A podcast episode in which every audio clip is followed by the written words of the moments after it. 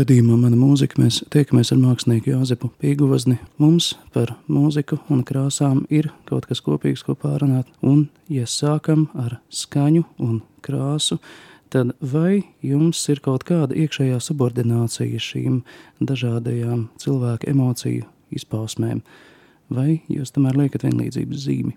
Nu, tad jāsāk laikam tā, ka sākumā Eh, man tā krāsa un tā līnija likās daudz, daudz saprotamāka. Varbūt tā ir tāda tīri, nu jau tā ievirze eh, cilvēka, un mūzika likās kaut kas tāds pilnīgi, nu kaut kas eh, varbūt arī dievišķīgs, vai ne, un līdz ar to mazāk tverams, mazāk materiāls, un arī nu, diezgan grūti varbūt arī uztverams, saprotams, varētu teikt. Bet uh, es tā vienmēr domāju, ka mākslu nav jāsaprot lietotājiem.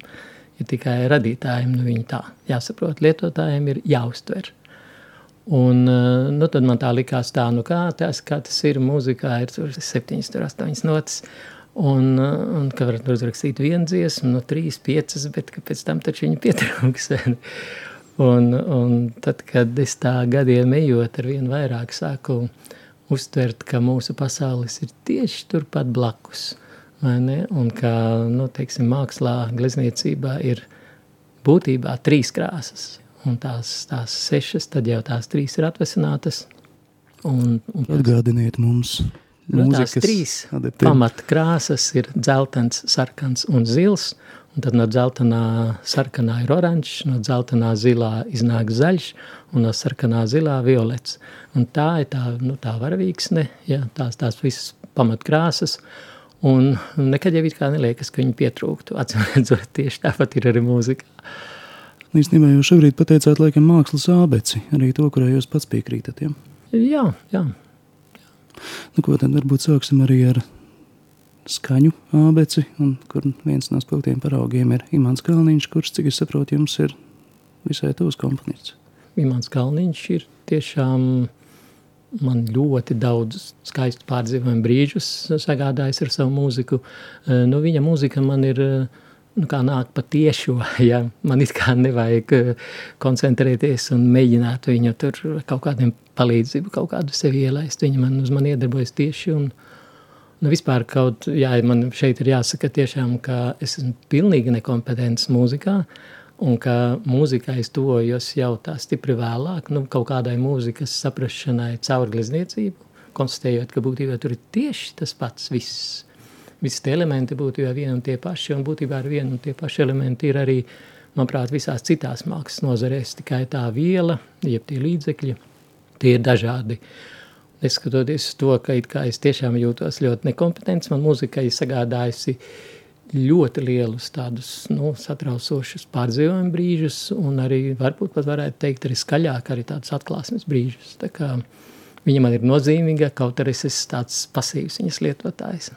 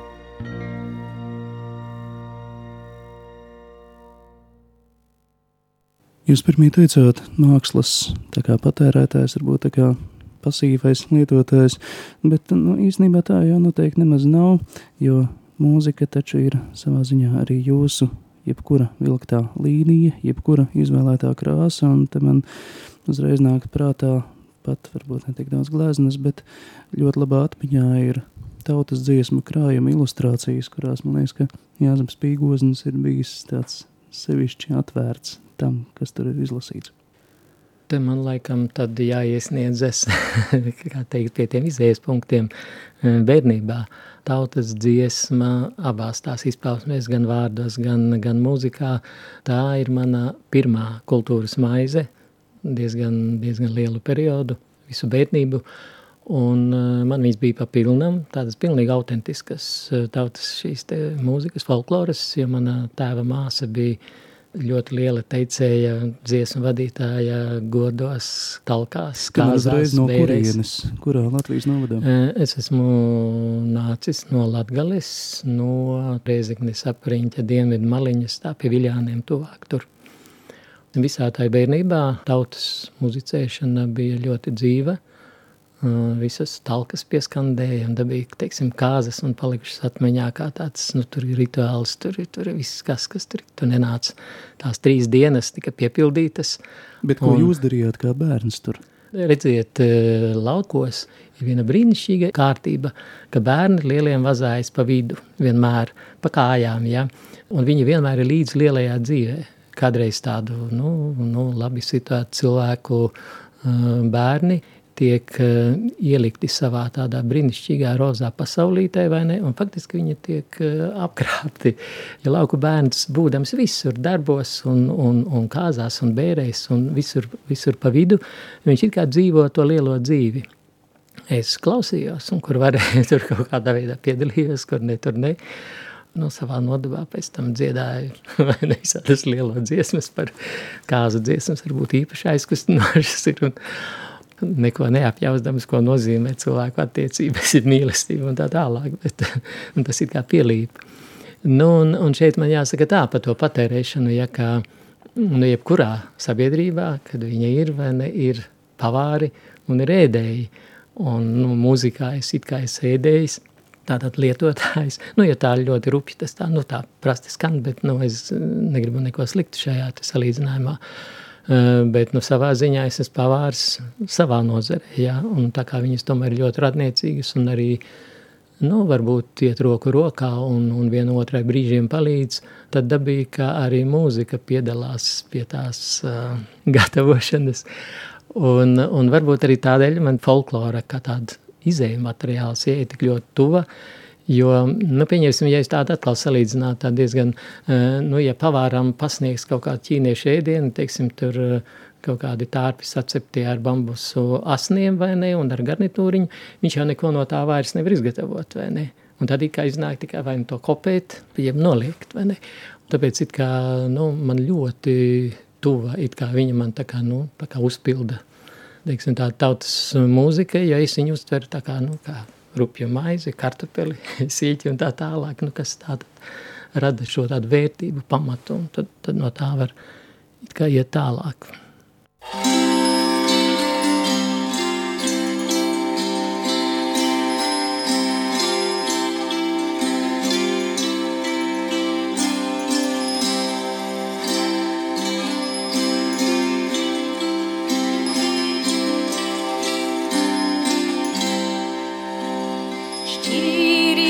Снизу шопу килайдит гульбия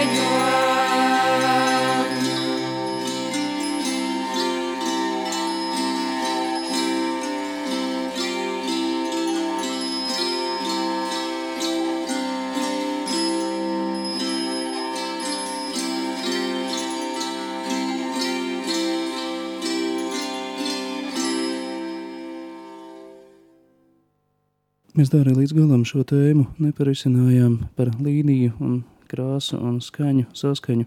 Vai tajā brīdī, kad jūs velkat šos savus vainu kolorītos degunus, piemēram, vai arī jūsu apsnikušos kokus, vienalga, vai jūs tajā brīdī arī jūtaties varbūt savā ziņā kā muzikants? Nu, tur ir tā diezgan īpatnēji šī ziņā. Kā muzikants vai kā teiksim, dabas tāds pētnieks un, un arī uztvērējs, es jūtos pirms tam un pēc tam. E, Jo es klausos mūziku, viņi man izraisa asociācijas, vai ne viņi man nu, kaut kādu arī pārliecību varbūt var radīt un, un, un, un, un teiksim, izjūtas un, un nojausmas un visu kaut ko. Teiksim, skatos dabā, viņi man pasaka priekšā, ko es gribētu un tā tālāk. Tad, kad ir uzgleznots darbs, tad es viņu nolieku, un tad es viņu arī varu it kā salīdzināt ar, nu, vienalga, ar, teiksim, viņas ritmiku varbūt, vai tas, ja tas būtu mūzikā, vai tas būtu līdzīgi, jeb nē, un varbūt mūzika kā tāda tīrāka, nosacītāka māksla, šeit var pateikt vairāk priekšā. Bet tajā brīdī, kad es gleznoju, tad es tā uzskatu, un es ar tā mēģinu, un man liekas, ka tā arī ir, es faktiski neko, es vienkārši it kā atveros, un to daru, un, un ļauju uh, notikt tam, kam ir jānotiek, kas ir uzpildīts līdz tam. Kāda ir jūsu gada aprite? Cik daudz tā tiek pavadīta brīvā dabā un cik daudz arī jūs darbnīcā? Jo darbnīca, kas saprot, ir tādā visai industriālā Rīgas novadā. Nē, nu, man palaimi abās pusēs eh, mājai ir ļoti daudz koki, ja es dzīvoju pārdaugavā. Nu, es esmu dzimis laucinieks, un es ļoti labprāt eh, daudz, daudz vairāk pavadītu laukos, eh, jo man dabas tūms mani padara normālāku. Ja, kad es aizbraucu uz laukiem, tad es tikai jūtos, ka, ka es esmu normāls cilvēks, svarīgais, svarīgs, nesvarīgais, nesvarīgs. Vai atbrauc uz pilsētu, tad it kā tevi tā rausta. Ka... Īstenībā tā ir tāda tā deformācija, ne? Nu, Pilsētā. ļoti lielā mērā, tomēr, vai ne? Un, bet, um, nu, teiksim, tā, nu, cilvēks ir, uh, nu, es, teiksim, arī esmu profesionāls savā ziņā, un man ir jāatrod šo iespēju, un, un tas ir iespējams uh, strādāt darbnīcā. Nu, protams, es nevaru tā kā, teiksim, pieceļas un iet skaldīt malku. Uh, Es tomēr, es gleznoju diezgan daudz, bet es negleznoju tikai tad, kad ir iespēja, kad ir laiks, vai ne? Nu, it kā tomēr tā, nu, es vēl nogatavojas tad, kad es tā varu gleznot, un kad man ir prieks, vai ne, un, un, un tā. Un, eh, un runājot par šo prieku, eh, nu, to es, eh, paldies Dievam, esmu pilnā mērā mantojis eh, no vecākiem, no tās bērnības vides, jo faktiski visu pat ļoti smagos darbus talkās un tā tālāk pavadīja ārkārtīgi drastiska spēka pilna mūzika, un, teiksim, kāzās skanēja, un tie danči bija uz vela paraušanu, un, un kaut kā tas kompensēja to milzīgi smago darbu, kas tiem zemniekiem bija. Tas bija vienkārši lieliski, ka es, teiksim, visu bērnību dzirdēju šo ļoti vitālo, tādu ārkārtīgi vitālo um, mūziku. Mēs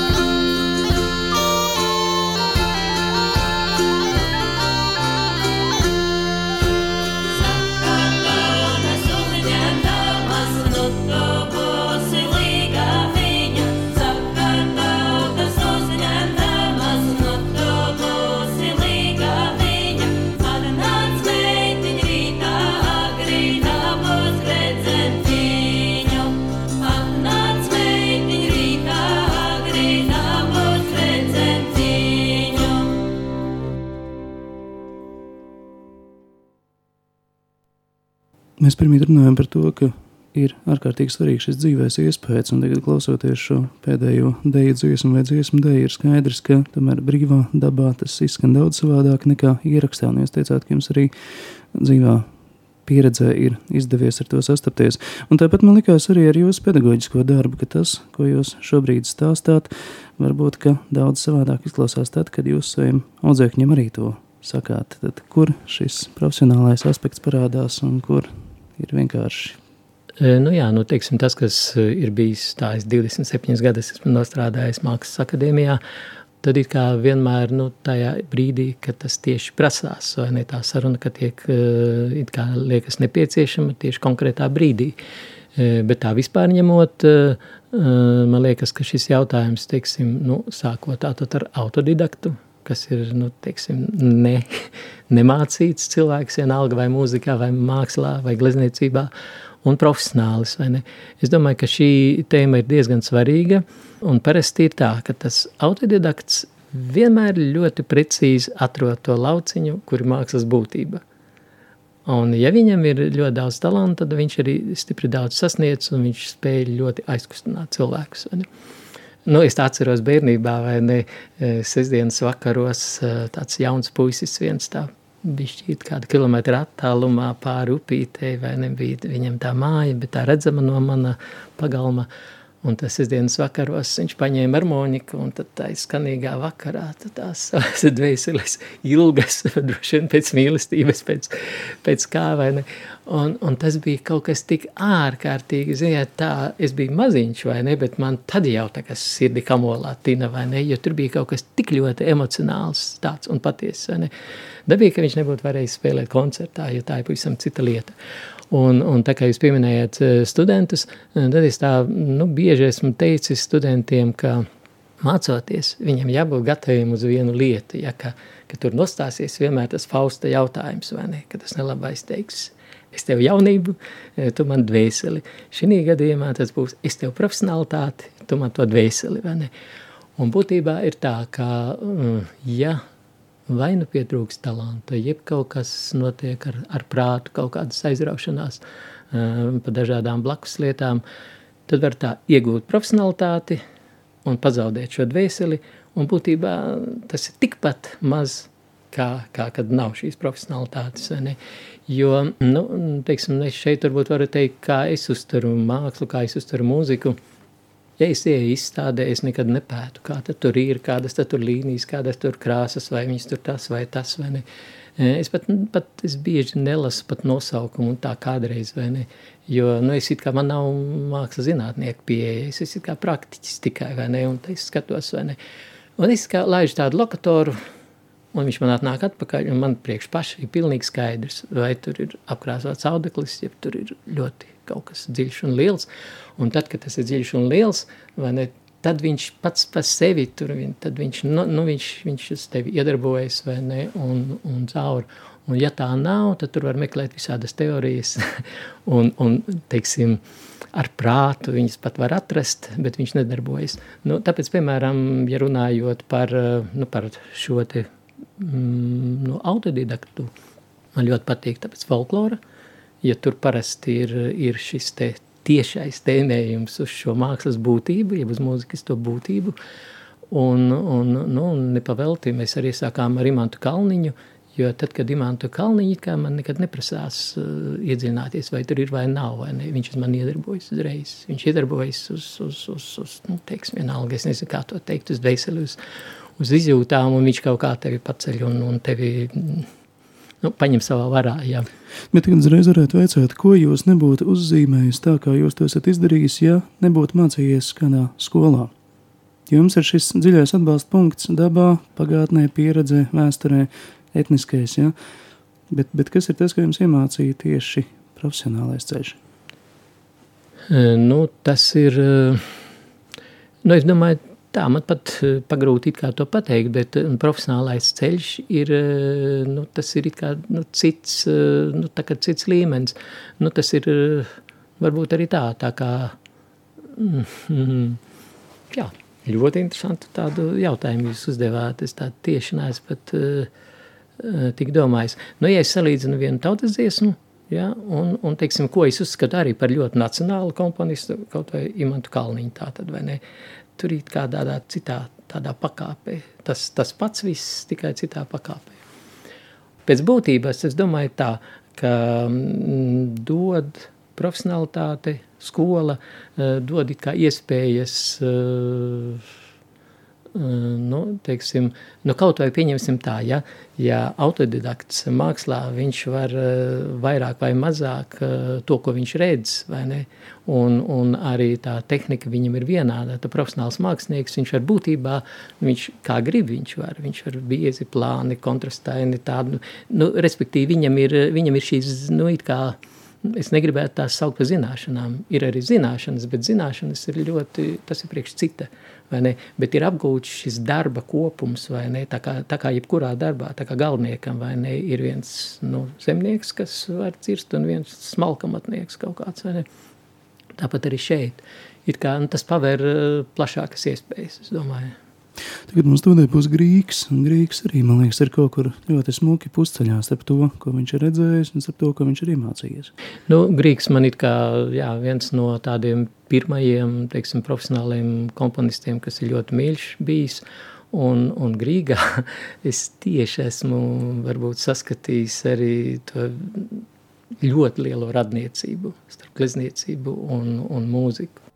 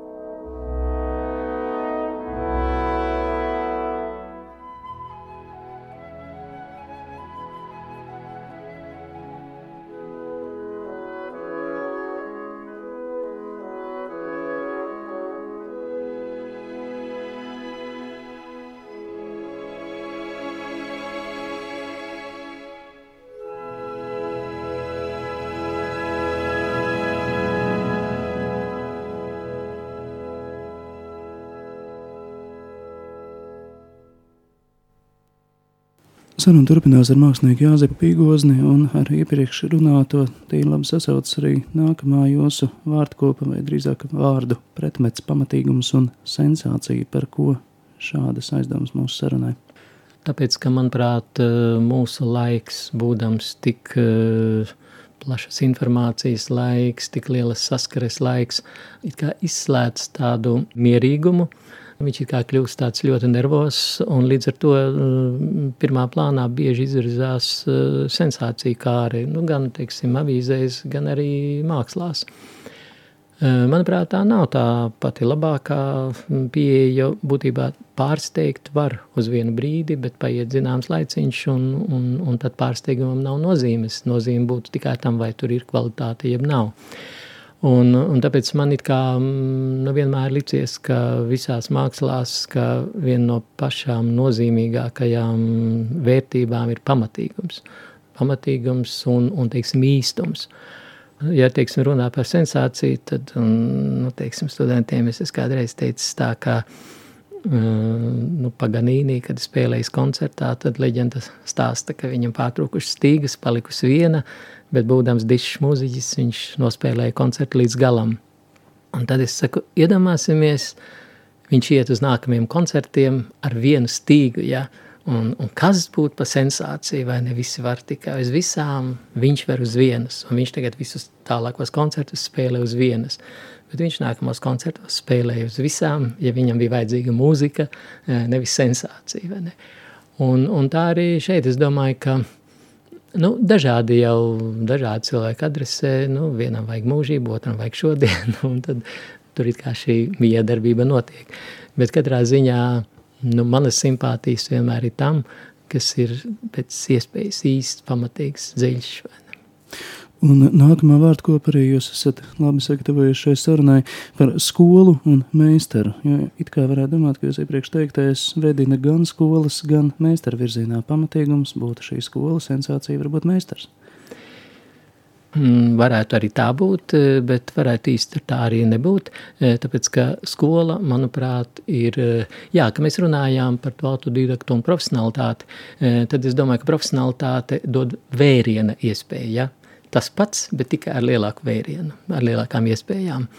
Un um, par šo skolu es domāju tā, ka skola dod it kā pamatu, uh, lai varētu izvērsties personība pats pēc tam. Un ja runā par, teiksim, rokrakstu, kā kādreiz šis jautājums paceļas vai ne, ja man prasam, bet kā kā rokrakstu panākt vai ne, tad es saku, nekā, Rokraksts nav mērķis, rokraksts ir sekas. Sekas pamatīgam, nopietnam, patiesam darbam. Ja? Un tad viņš parādās pats no sevis, jo nav divu vienādu cilvēku un nav divu līdzīgu ieviržu, un šis rokraksts ir neizbēgams. Bet ja viņa... šī arī ir tā profesionālitātes definīcija, kur mēs pirmīt meklējām. Jā, varbūt arī, varbūt arī, e, bet teiksim, tā starpība varbūt ir tā, ka ja iet pie viena meistara mācīties, un ja šis meistars vēl ir diezgan tāds... Um, tāds diktatorisks, vai ne? Tad it kā daudz ātrāk iegūst līmeni, jo paņem jau tās putiņas, ja, uzreiz paņem putiņas, bet eh, ļoti mazas iespējas eh, šim cilvēkam ir attīstīt, attīstīties kā personībai, ja viņš var tikai, viņš ir apgavis to vienu, to putiņu, to vienu, vienu putiņu līmeni, vai ne, un viņš vairs nevar citās, bet dzīve ir gara, dzīves laikā viss, kas mainās, un katrs mūziķis un katrs mākslinieks mainās, un ja viņš ir izgājis, kā teikt, tos putras kalnus cauri, ja, to, to pamatu visu, tad viņš it kā atgriežas sevi un jebkurā virzienā viņš var iziet. Ja viņš ir profesionāls, viņš var iziet jebkur. Tas, ka jūs šobrīd dodat iespēju cilvēkam, tas nozīmē, ka jūs neesat diktators pedagoģiskajā darbā.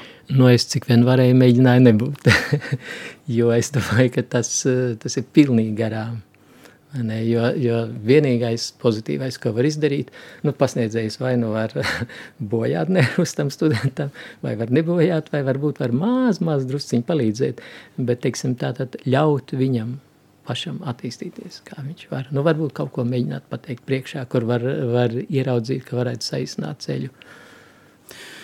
Turpinot muzikālo līniju, mēs vēl ar vienu esam ziemeļos, un pēc Grīga būs Žanas Sibēlijus un Somija vai arī tas jums ir kas īpaši būtisks? Nu, droši vien jau mm, šeit arī tā ziemeļu izjūta, es tā savā, kā teikt, iekšienē vienmēr esmu sajūties kā ziemeļu cilvēks, nevis kā dienvidu cilvēks. Kaut gan varētu domāt, ka Latgala no visiem Latvijas reģioniem tomēr ir viss kaut kādā ziņā temperamentos krāsainākā. Jā, bet tā jau drīzāk ar īriem varbūt. tā kā es biju īrijā, tad viņa tā mūzika vai negribās iet iekšā uzreiz. Bet, nē, es nezinu, man tāds sajūta, ka īsti ar diviem diem nav.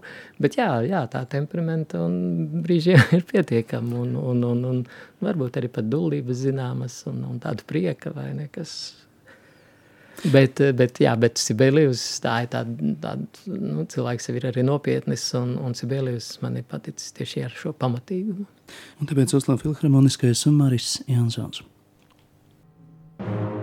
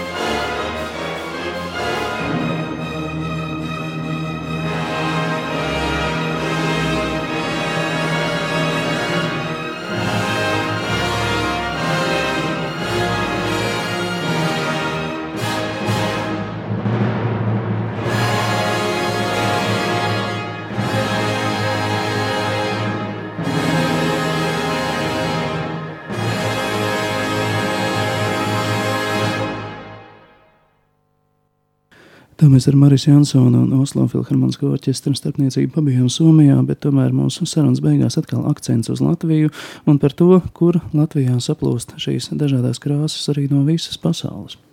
Nu, mēs jau dzīvojam tādā laikā, kad esam saistīti ar visu pasauli, atvērti pasaulē un arī pieejami.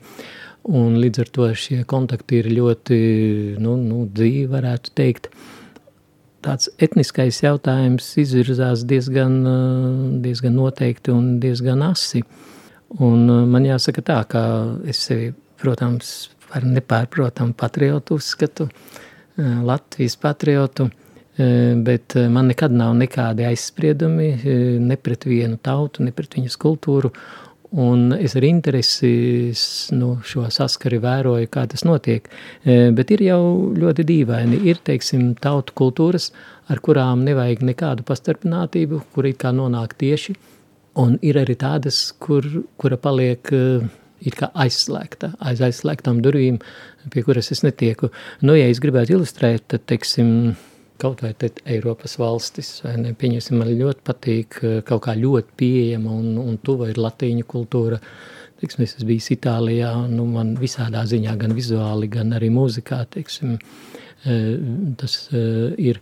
Bet ir tautas, piemēram, Birma, es redzu, ka tur ir milzīgi izkoptas, izkoptas sistēma, ka ļoti izkopta telniecība, bet man viņa, es viņu nevaru uztvert, man viņa pilnīgi sveša un, un man slēdzas ciet, un, un tieši tāpat ir ar krāsu izjūtu. Un krāsu izjūta ir tā dīvainā lieta, tie krāsa salikumi, manuprāt, kas varbūt eh, visvairāk raksturo, eh, un tur ir vislielākā tiešākā saite ar mūziku, manuprāt, tieši tā kā mūzikas skaņas, katrai tautai ir tā citas, un tāpat krāsa, šī skāla, krāsa izjūta, krāsa salikumi ir citi, to es esmu jau, teiksim, pieminētajā kaut vai tur Dienvidaustrumāzijā, es esmu bijis Indijā, uh, Man, piemēram, daudzos, daudzos gadījumos ļoti nu, nāca pie sirds tiksim, viņa miniatūras, īpaši teiksim, viena daļa, kas bija tādas monumentālākas. Man ļoti patīk daļa no indiešu telniecības, bet viņu krāsu izjūta, kas gandrīz visur parādās, man kaut kā tā neīsti. Pasakiet savas Latvijas krāsas. Nu, Latvijas krāsas es mēģinu teikt savos darbos. Jā, jā šeit, šeit varētu būt vienīgi, ko es varētu teikt, ka dienvidniekiem parasti nav atmosfēras dabā. Krāsas ir lokālas, tiešas, atklātas un, un, un tādas nu, vairāk vai mazāk uz pamatkrāsām. E, ziemeļos, kad ir mīgliņas, kad ir pavasari un vasaras un ziemas un, un visas šīs dabas noskaņas, vai ne, ir tūkstošiem un, un tūkstošiem šīs um, atvesinātās nianses, vai ne. Un, un būtībā tādi koloristi ir smalkuma, vairāk, teiksim, nesēji ir ziemeļnieki, vai ne tur, kur daba jau ir devusi ļoti daudz no šī, šīs daudzveidības. Vai jūs šeit līdzības saskatāt arī skaņās? Jā, jā es saskatu arī skaņās. Un, teiksim, vēl tāda maza ilustrācija, to man viens kolēģis vai ne kaut kā pievērs uzmanību. Eh, viņš teica tā, ka bērniem veikalos pārdotos klucīšus, tur sešas klucīšus maksimāli spilgtās šais krāsās. Un te viņš teica, ja jūs iedomātos, ka tam bērnam varētu muzikālo audzināšanu ar maksimālajiem decibeliem uzreiz gāzt virsū pa viņa ausīm, vai ne, tad tieši tas notiek tam bērnam pa viņa acīm ne, ar šiem maksimāliem uzreiz. Jo tas bērns augdams, pieņemsim, dabā, tāda ziemeļu dabā, viņš ierauga tūkstošiem visas tās pakāpes nianses. Tas nozīmē, ka viņš dzīvē arī varbūt ienāk pakāpeniskāk un mierīgāk, e, harmoniskāk. Jā, es domāju, ka harmoniskāk un, un arī niansētāk, ne? Un, un man pat ir tāda sajūta, teiksim, nu, kā šeit gan varbūt vairāk motivācijas vajadzētu, bet, teiksim, tādā tai amerikanizētajā mūzikā, ka tur ir kaut kas šī gāšana pa ausīm un, un tomēr dragāšana tāda pa virsu, ja. Un, un, un, un tāpēc man Eiropas mūzika un Eiropas kultūra patīk daudz labāk, jo viņi ir vienmēr niansētāki.